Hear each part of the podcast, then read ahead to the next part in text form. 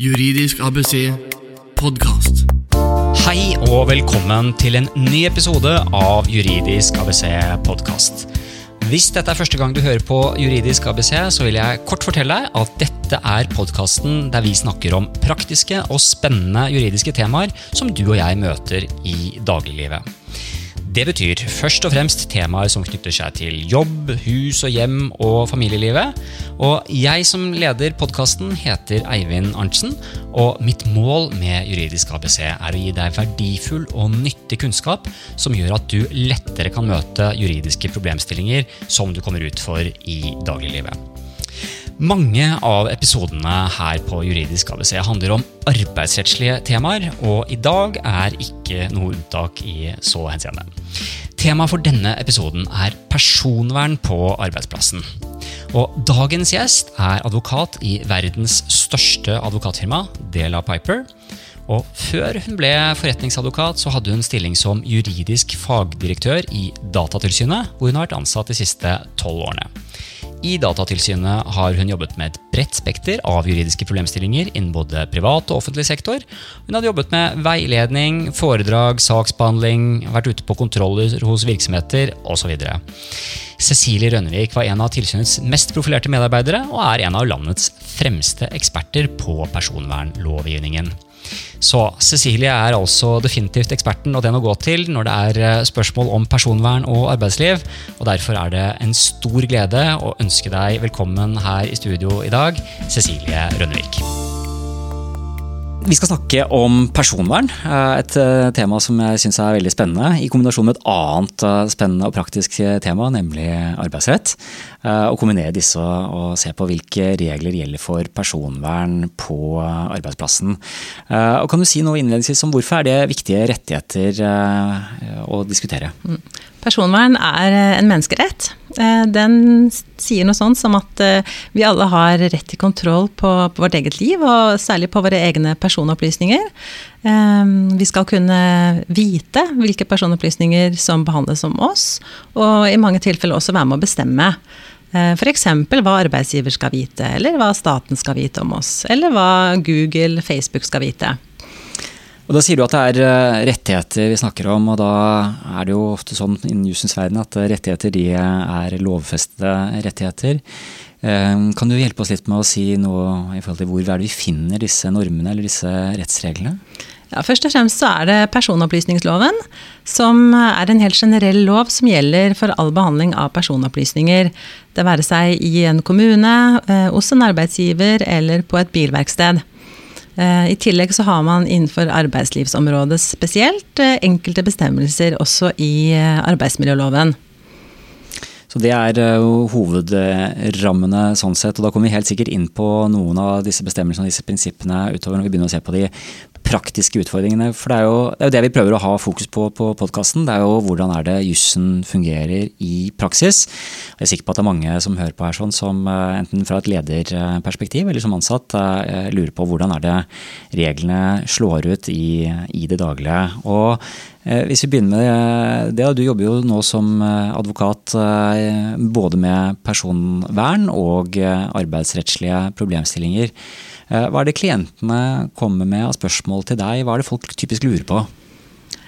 Ja, Man kommer gjerne i forbindelse med at det har oppstått en kinkig situasjon. Mm. Man ønsker kanskje å gjøre innsyn i ansattes e-post, fordi det foreligger en mistanke om at en ansatt har kanskje opptrådt illojalt.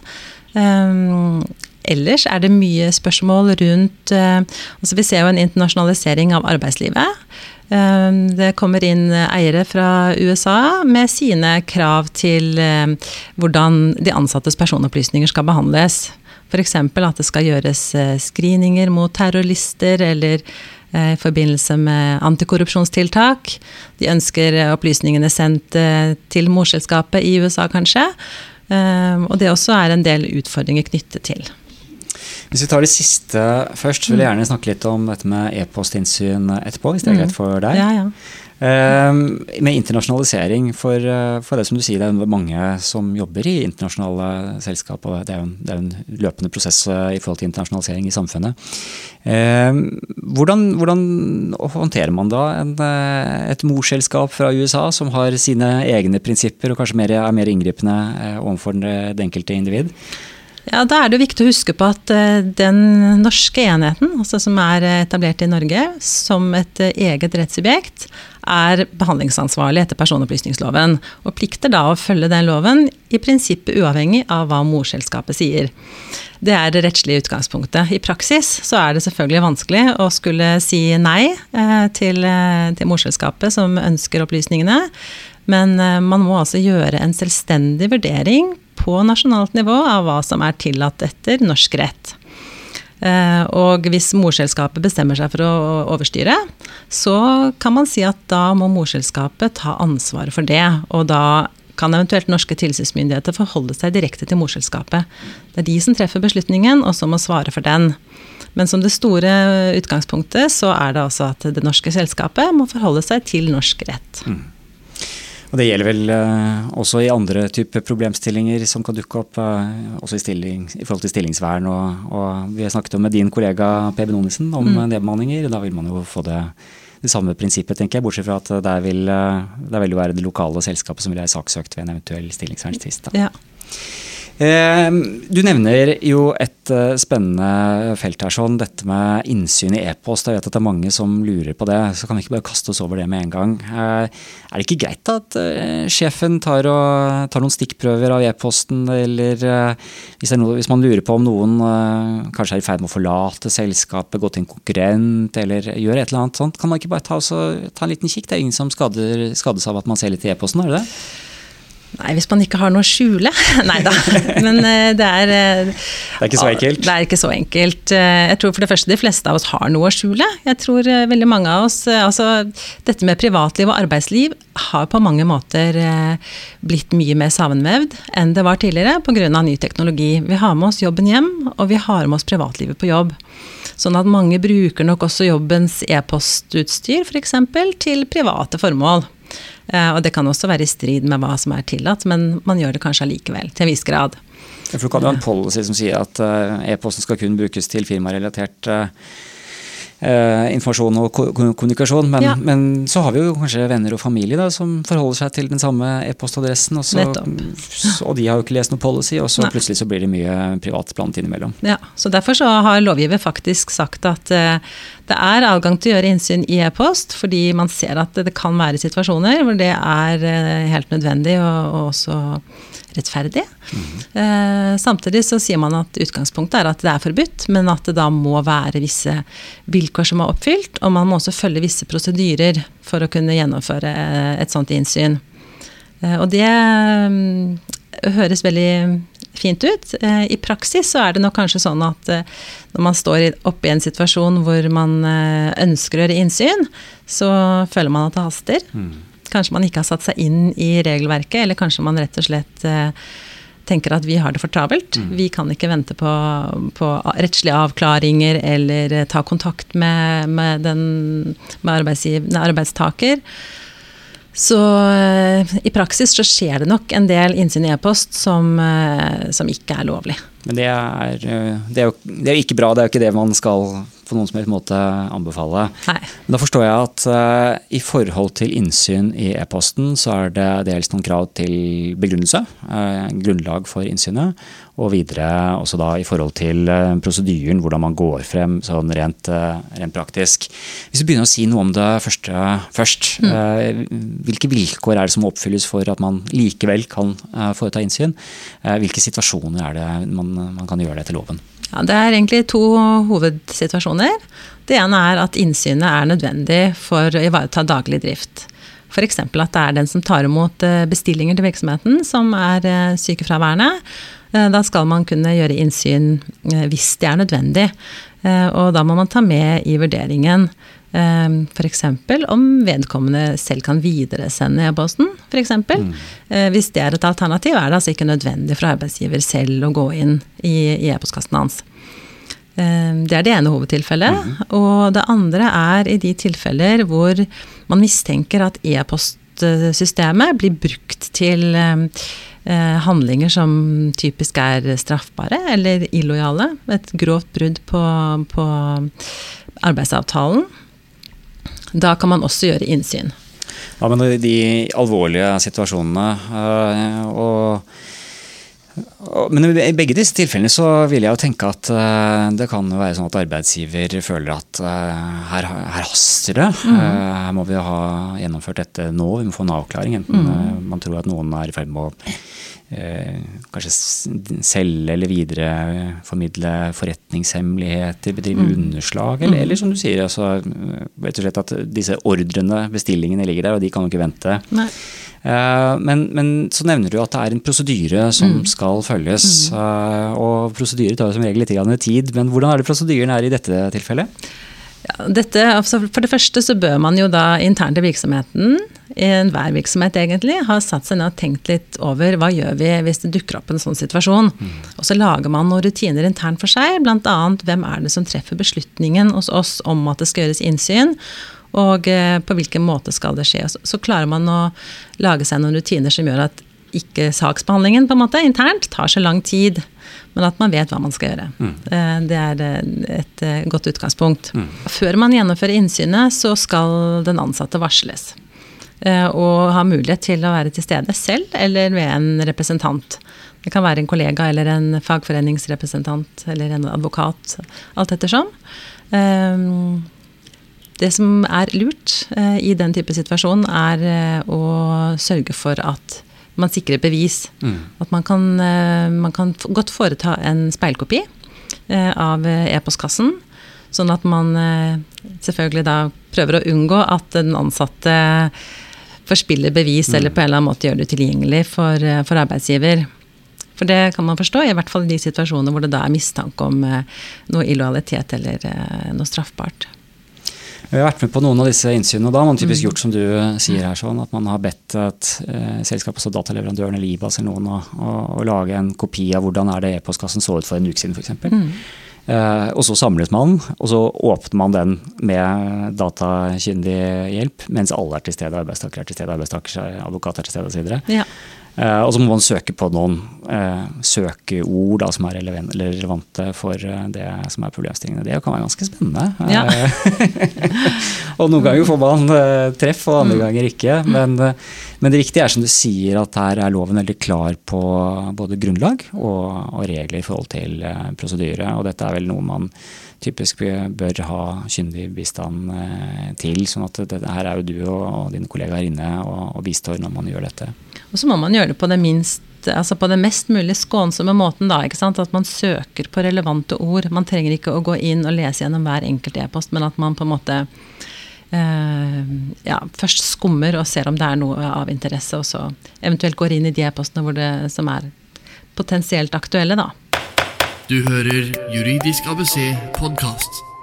Da har vi snakket litt om eh, innsyn i e-posten. Eh, jeg har lyst til å hoppe til en helt annen eh, ende av ansettelsesforholdet. I hvert fall vi var inne på dette med at E-posttilsyn kan gjøres når det er uh, grunn til å tro at arbeidstaker har gjort noe feil. Uh, men hvis vi beveger oss til rekrutteringen, uh, altså før man ansetter, da kan det jo også være noen personvernsutfordringer som dukker opp. Mm. typisk kan man vel se for seg at en, en arbeidsgiver vil ty til nettet for å google litt og sjekke Facebook og LinkedIn og hva vet jeg, i forhold til å finne mer informasjon om arbeidssøkere. Ja.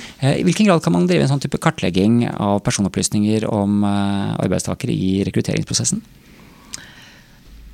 Altså, det vil nok være tillatt f.eks. å google en arbeidssøker.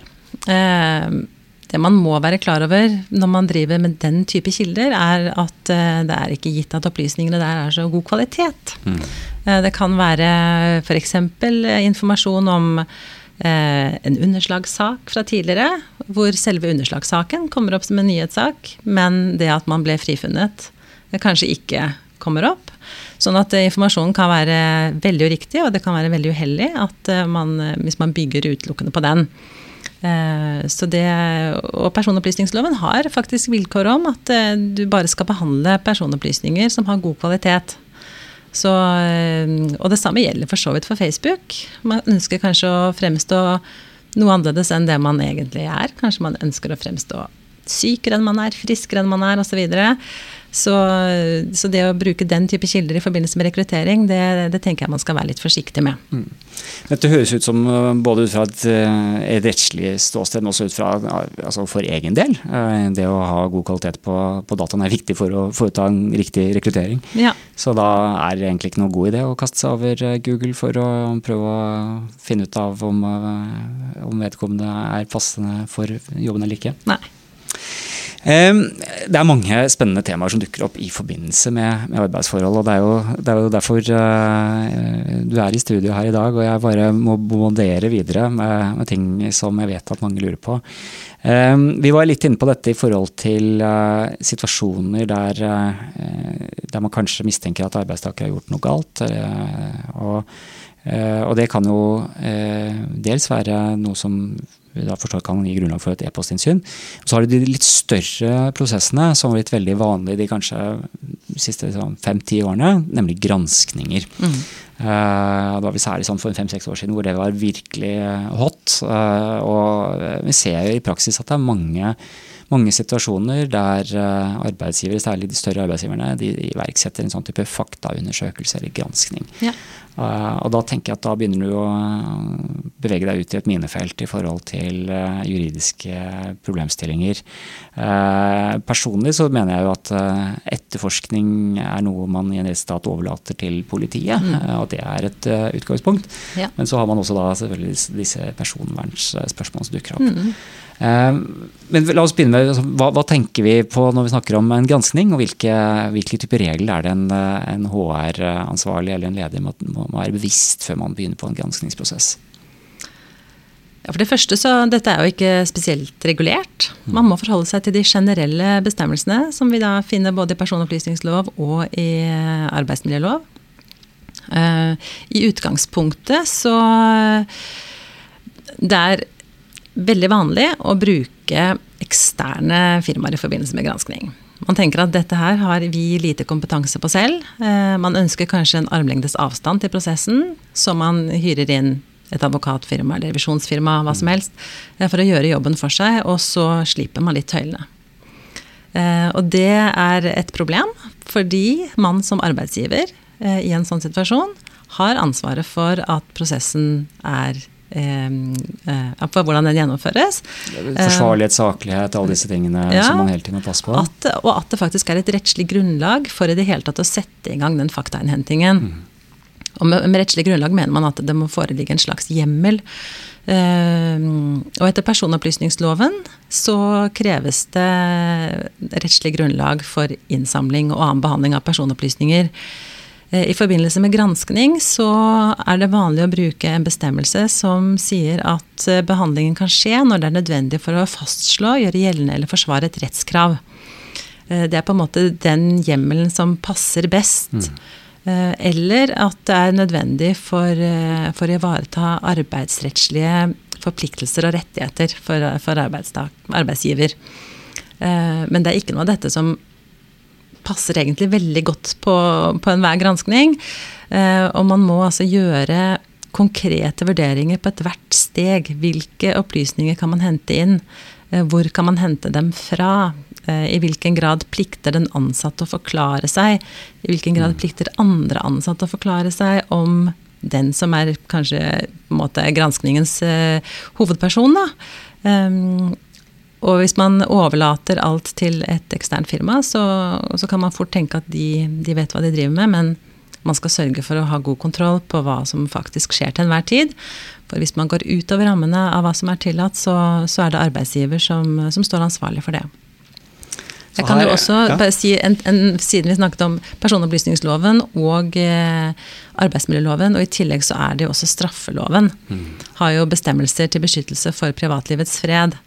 Eh, sånn at i de verste tilfellene så kan man faktisk eh, ende opp med brudd på straffeloven. Mm. Så Det viktige jeg tar med fra dette, er at uh, granskninger etter det forstår, det er i høyeste grad i en, skal i hvert fall si en gråsone. Ja.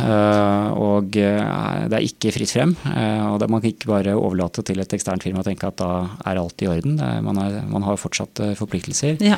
og det er flere regelsett som gjelder, og det kan være ganske kompliserte regler. Så ja. her må man være litt forsiktig, rett og slett. Rett og slett. Um, og da antar jeg også at det er liksom en, enda mer inngripende bruk av privatetterforskere og den type mm. ting, som, som enkelte arbeidsgivere faktisk gjør, det, det vil være gjenstand for de samme kanskje enda strengere vurderinger etter personopplysningslovene. Ja, og etter personopplysningsloven har man jo i begge disse tilfellene i utgangspunktet som altså har arbeidstaker rett til informasjon skal vite at nå settes i gang en granskning. Mm. Eh, skal vite hvilke opplysninger som hentes inn, hva det skal brukes til osv. Og, så og man skal også da kunne ha rett til eh, å gjøre innsyn i de opplysningene som til enhver tid samles inn. Sånn at man kan eh, ja, forholde seg til hva som skjer, eventuelt korrigere feil osv. Så, så Så det er veldig viktig, og kanskje særlig i forbindelse med denne type undersøkelser, som, som jo nærmer seg hva man kan si er tradisjonelt politietterforskning. Så da, eh, Nå har vi sett på noen, noen helt sånn konkrete og praktiske problemstillinger. Men, eh, men, det som ligger som eh, grunnprinsippene her, er jo etter jeg forstår altså at det er eh, lovens oppstiller en del krav til arbeidsgiver, mm. og det gir da rettigheter til arbeidstaker. Ja. Eh, når man snakker om personopplysninger på, på arbeidsplassen. Ja. Eh, andre type praktiske problemstillinger som eh, jeg vet at en del er opptatt av, er jo eh, når ny teknologi dukker opp. Mm. Eventuelt når man får nye muligheter for å ta i bruk eh, teknologien, så, så blir det noen kollisjonspunkter ja. mot, mot jussen her. sånn. Høyesterett hadde for et par år siden til behandling et spørsmål om bruk av GPS på renovasjonsbilene i Trondheim. Ja. Eh, så etter det jeg husker, så gikk eh, saken på at det var en man hadde et system hvor man overvåket uh, søppelbilene for å se på hvordan man kunne forbedre kvaliteten i forhold til leveranser, sjekke at all søppel var tømt og osv. Ja. men så Eh, var det tilfeldigvis eh, dagen før skjærtorsdag hvor eh, man hadde en tariffavtale som ga mulighet for god overtidsbetaling etter klokken tolv. Da jobbet mange, eller i hvert fall to karer, ekstra, ekstra lang dag og hadde vist at de hadde tre timers pauser hvor bilen sto stille. og GPS-loggen var da det avgjørende beviset som økonomisjefen fant. Mm. Kan du si noe mer om eh, Du, du kjenner jo selvfølgelig dommen. Eh, kan du si noe om hvordan Høyesterett eh, vurderte der, og hva man kan trekke ut generelt av, av, av prinsipper i forhold til juss, i forhold til teknologi? Med, med utgangspunkt i GPS og, og annen, annen type teknologi? Ja, det, altså Utgangspunktet er jo det at eh, når du tar i bruk eh, en type ny teknologi, så skal du som eh, ansvarlig for virksomheten ha klart for deg hva du skal bruke det til. Og i, i denne aktuelle saken der så var det snakk om å bruke GPS i forbindelse med flåtestyring, som du nevnte. Og så er det jo sånn at teknologien sparer på opplysningene, og så dukker det opp et nytt behov eller et ønske om å bruke de samme opplysningene for nye formål. Mm. Eh, og i den saken der så var det da et kontrollformål. Man ønsket å se at de ansatte opptrådte i tråd med arbeidsavtalen. Eh, og eh, det Høyesterett sier, er at eh, det er helt greit å bruke GPS i forbindelse med flåtestyring. Eh, det er for så vidt også greit å bruke GPS for kontrollformål, men da må dette kontrollformålet være avklart på forhånd. Altså innført da i tråd med arbeidsmiljølovens bestemmelser om innføring av kontrolltiltak. Eh, og det var ikke tilfellet i den saken. Mm. Så dette kom litt bardus på de ansatte. Mm. Eh, nå er det riktignok litt uenighet mellom eh, de ansatte og arbeidsgiver hva som var kommunisert, men domstolen la i hvert fall til grunn at man hadde ikke fått nødvendig informasjon om at dette ville bli brukt til å kontrollere timeføringen. Så, så her konstaterte man brudd på personopplysningsloven. Uh, allikevel så, så tillot, man bevisene ført eh, i saken. Det var kanskje litt fordi det var så utrert også at man hadde, liksom, man hadde sittet i bilen i totalt tre timer og eh, hevet sin overtidsbetaling, ja. så det var vel kanskje litt eh, det som, som var en del av det hele. Men, ja. men det, det, jeg hører deg si, er nettopp dette med å være i forkant. Som mm. var inne på det tidligere også. Det å ha, ha rutiner, kanskje også da diskutere med, med, de ansatte og klargjøre hva man skal bruke opplysningen til. Ja, det er altså I forbindelse med innføring av ny teknologi, det så vi jo bare F.eks. For i forbindelse med e-post. Det kom jo liksom som en bølge. Jeg tror de fleste innførte det bare sånn uten å egentlig tenke på hva man kan bruke det til, hva eventuelt misbrukspotensialet er, og hva arbeidsgiver må passe på. Uh, og det, det, kommer et nytt personopplysningsregelverk mm. uh, som tar dette inn over seg, hvor uh, enhver behandlingsansvarlig, og også en arbeidsgiver da, må gjøre det man kaller en um, privacy impact assessment. Okay. Altså en slags risi ja, det er en slags risikovurdering, eller at man setter seg ned før man innfører et, et, nytt tiltak eller en ny teknologi, og ser på hva er det dette kan gjøre med personvernet til eh, de personene som på en eller annen måte da eh, rammes av tiltaket. Og så skal man liksom ut ifra det da lage seg prosedyrer og rutiner for, for hvordan man skal håndtere opplysningene. Så da høres ut som man nå lovregulerer det som vil være det praktiske tipset uansett, Nettopp. og foreta den vurderingen i forkant. Være bevisst. Mm. Cecilie, eh, jeg vet at eh, personalmappen den, det er et eh, tema mange er opptatt av, hvor det er en del misforståelser. Jeg vil se mappa mi. Ja. Kan jeg det? I prinsippet så har etter personopplysningsloven har man rett til innsyn i Eh, enhver opplysning som noen har registrert om deg. Eh, og det skal bety at du skal kunne gå til eh, også arbeidsgiveren din og be om å få se hva de har registrert om deg, f.eks. i personalmappen. Så her har man som utgangspunkt da, fullt innsyn i alt som ligger der, sånn, så ja. kontrollere kvaliteten på, på dataene osv. Ja. Og også se at det som skulle vært slettet, faktisk er slettet, f.eks. Det er ikke alle opplysninger som skal ligge i mappen til evig tid. Har eh, arbeidsgiver noen sånn type vedlikeholdsplikt i forhold til eh, person, personmappen eller personalmappen? Ja, altså Når man behandler personopplysninger, så plikter man å holde dem oppdatert, sånn at det hele tiden gir et samlet, korrekt bilde av hva som er det faktiske. Sånn at øh, øh, ja, de skal holde det oppdatert. Dette er Juridisk ABC podkast med advokat Eivind Arntzen. Nå har vi vært gjennom mange temaer, og jeg vet at det er mye, veldig mye praktisk her. Mange, mange av disse spørsmålene som fremstår som ganske så kompliserte, så, så, gir du så gode forklaringer. Så det er vi veldig takknemlige for. Jeg vet at det er mange som kommer til å ha stor glede av, av denne podkasten. Eh, men nå har vi snakket eh, om regelverk og, og, praktiske problemstillinger, men hva skjer mm. når ting går feil? Altså, hvis det dukker opp en konflikt da knyttet til behandling av personopplysninger på arbeidsplassen, mm. eh, hva gjør man når det brenner? Ja, altså ofte så vil eh, den ansatte eller eh, fagforening ta kontakt med Datatilsynet. Det er jo et, eh, et type klageorgan man kan henvende seg til hvis man mener at det har blitt begått et lovbrudd. Og Datatilsynet har kompetanse til å iverksette tiltak overfor virksomhetene. De kan pålegge at en behandling skal opphøre, f.eks. Eh, de kan eh, også trekke tilbake tillatelser de har gitt eh, i forbindelse med konsesjoner. Og de kan også gi overtredelsesgebyr i de mer alvorlige tilfellene. Kan du gi noen eksempler på, på, dette? Saker som du har kjennskap til hvor arbeidsgivere har blitt si, dømt, eller i hvert fall at de får et betilagt gebyr av Datatilsynet? Ja, eh, Vi snakket om den GPS-saken i sted. Ikke sant? Eh, og der hadde Datatilsynet ikke ilagt eh, gebyr. Og Høyesterett var egentlig ganske tydelig på at det skulle Datatilsynet ha gjort. Fordi man, ettersom man tillater bevisene ført for domstolen, så vil det være nærmest et incitament til å bryte loven. Mm. Fordi man vurderer kost og nytte slik at vi, vi, bryter loven fordi vi har en større gevinst i, mm. i forbindelse med selve kanskje avskjedssaken. Eh, men Høyesterett sier da at det er Datatilsynet som skal håndheve disse bestemmelsene. Og sørge for at man allikevel velger å ikke bryte loven. Så eh, Datatilsynet har tatt konsekvensen av det.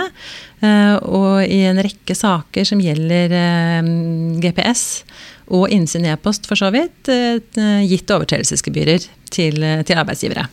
Og jeg mener, husker at Gjensidig bl.a. Fikk et, uh, ble ilagt et gebyr, og det har vært også flere andre offentlige instanser, departement osv., som har, vært, har fått, vært gjenstand for Datatilsynets undersøkelse av vrede. Ja, da, Datatilsynet gir jo gebyrer hvis de finner alvorlige mangler eller brudd på loven. Og kanskje særlig i forbindelse med, med manglende internkontroll. Mm. Uh, internkontrollplikten etter personopplysningsloven er nokså grunnleggende. Uh, vi har vært litt inne om det tidligere, nemlig at man skal ha et bevisst forhold til hva man gjør, uh, hva man behandler av personopplysninger, og hvordan man gjør det. At man faktisk instruerer de ansatte i hvordan de skal behandle personopplysningene. Så man må lage seg rutiner for hvem som behandler personopplysninger i virksomheten på hvilken måte det skal gjøres, eh, når det skal slettes, hvem som skal slette det osv. Så videre. sånn at eh, man hele tiden har klart for seg eh, at man følger loven. Mye å passe på her. sånn Vi bør kanskje ja. tillegge det også at når det gjelder disse gebyrene, så er det ikke, det er ikke på parkeringsbotnivå vi snakker? Nei, men det er allikevel nokså beskjedent. altså, Tilsynet har, har, kompetanse etter loven til å ilegge inntil 10 G, uh, og det er ca. 900 000 kroner i dag. Uh, det meste tilsynet har gitt, var 600 000. Mm. Uh, og det var i forbindelse med gjensidige forsikring, som du nevnte, som ikke hadde da kontroll på alt det de hadde av personopplysninger. Eh, det er en stor virksomhet, så det er klart at eh, de, de, klarer å takle den regningen sannsynligvis. Ja. Men, eh, men, men, for mange, det er jo altså, Hvis det er 100 eller 200 300 000 kroner, det er ganske mye penger likevel. Ja, det er det. Og mindre virksomheter har jo vært ilagt gebyr på 150 000 ca. Mm. 75 000. Altså det, er, det med virksomhetens økonomiske bæreevne er et av de momentene tilsynet skal ta hensyn til når de utmåler gebyr. Eh, og selvfølgelig grad av skyld, om det er en gjentagelse eller førstegangs overtredelse osv. Så, Så akkurat hva man havner på i det enkelte tilfellet er litt, eh, litt usikkert. Men, eh, men tilsynet nøler ikke med å ilegge gebyr når det er alvorlige brudd. Og med det så er det klart at da er det naturlig at vi avslutter med å se på noen gode råd for, eh, for god eh, ivaretakelse av personopplysninger. Vi har jo for så vidt hatt det som en liten rød tråd her i dag også. Men si oppsummeringsvis på slutten, se på hva er dine beste tips, og er det noen typiske fallgruver du vil advare mot å trå i? Ja, For det første eh, dette med å hele tiden ha et bevisst forhold til hva er det vi innfører og skaffer oss av ny teknologi. Hva skal vi bruke det til? Eh, og eh, selv i de tilfeller hvor det kanskje ikke er tenkt som kontrolltiltak, og hvor de bestemmelsene som gjelder innføring av kontrolltiltak ikke kommer til anvendelse, så vil jeg råde til at man i det minste informerer alle ansatte godt om, eh, om hva mm, teknologien skal brukes til. Eh, kanskje tar dem med på, på råd. Eh, vi ser jo at, del, at, det oppstår en del misforståelser eh, og konflikter som det egentlig ikke skulle vært, mm. fordi man ikke helt vet hva arbeidsgiver gjør, og så blir det spekulasjoner osv. Så, videre. så hele tiden ha, ha, god informasjon til de ansatte, være åpne. Og hvis man føler at man kanskje ikke kan være åpen, og at dette er litt vondt å fortelle de ansatte at nå skal vi være i gang med dette, så er det kanskje et tegn på at eh, man ikke burde iverksette det. Mm. Sånn at uh, man kjenner litt på den magefølelsen. Det er litt eh, lakmustesten, det. Om ja, du kan det. fortelle det til noen. Så. Ja, det.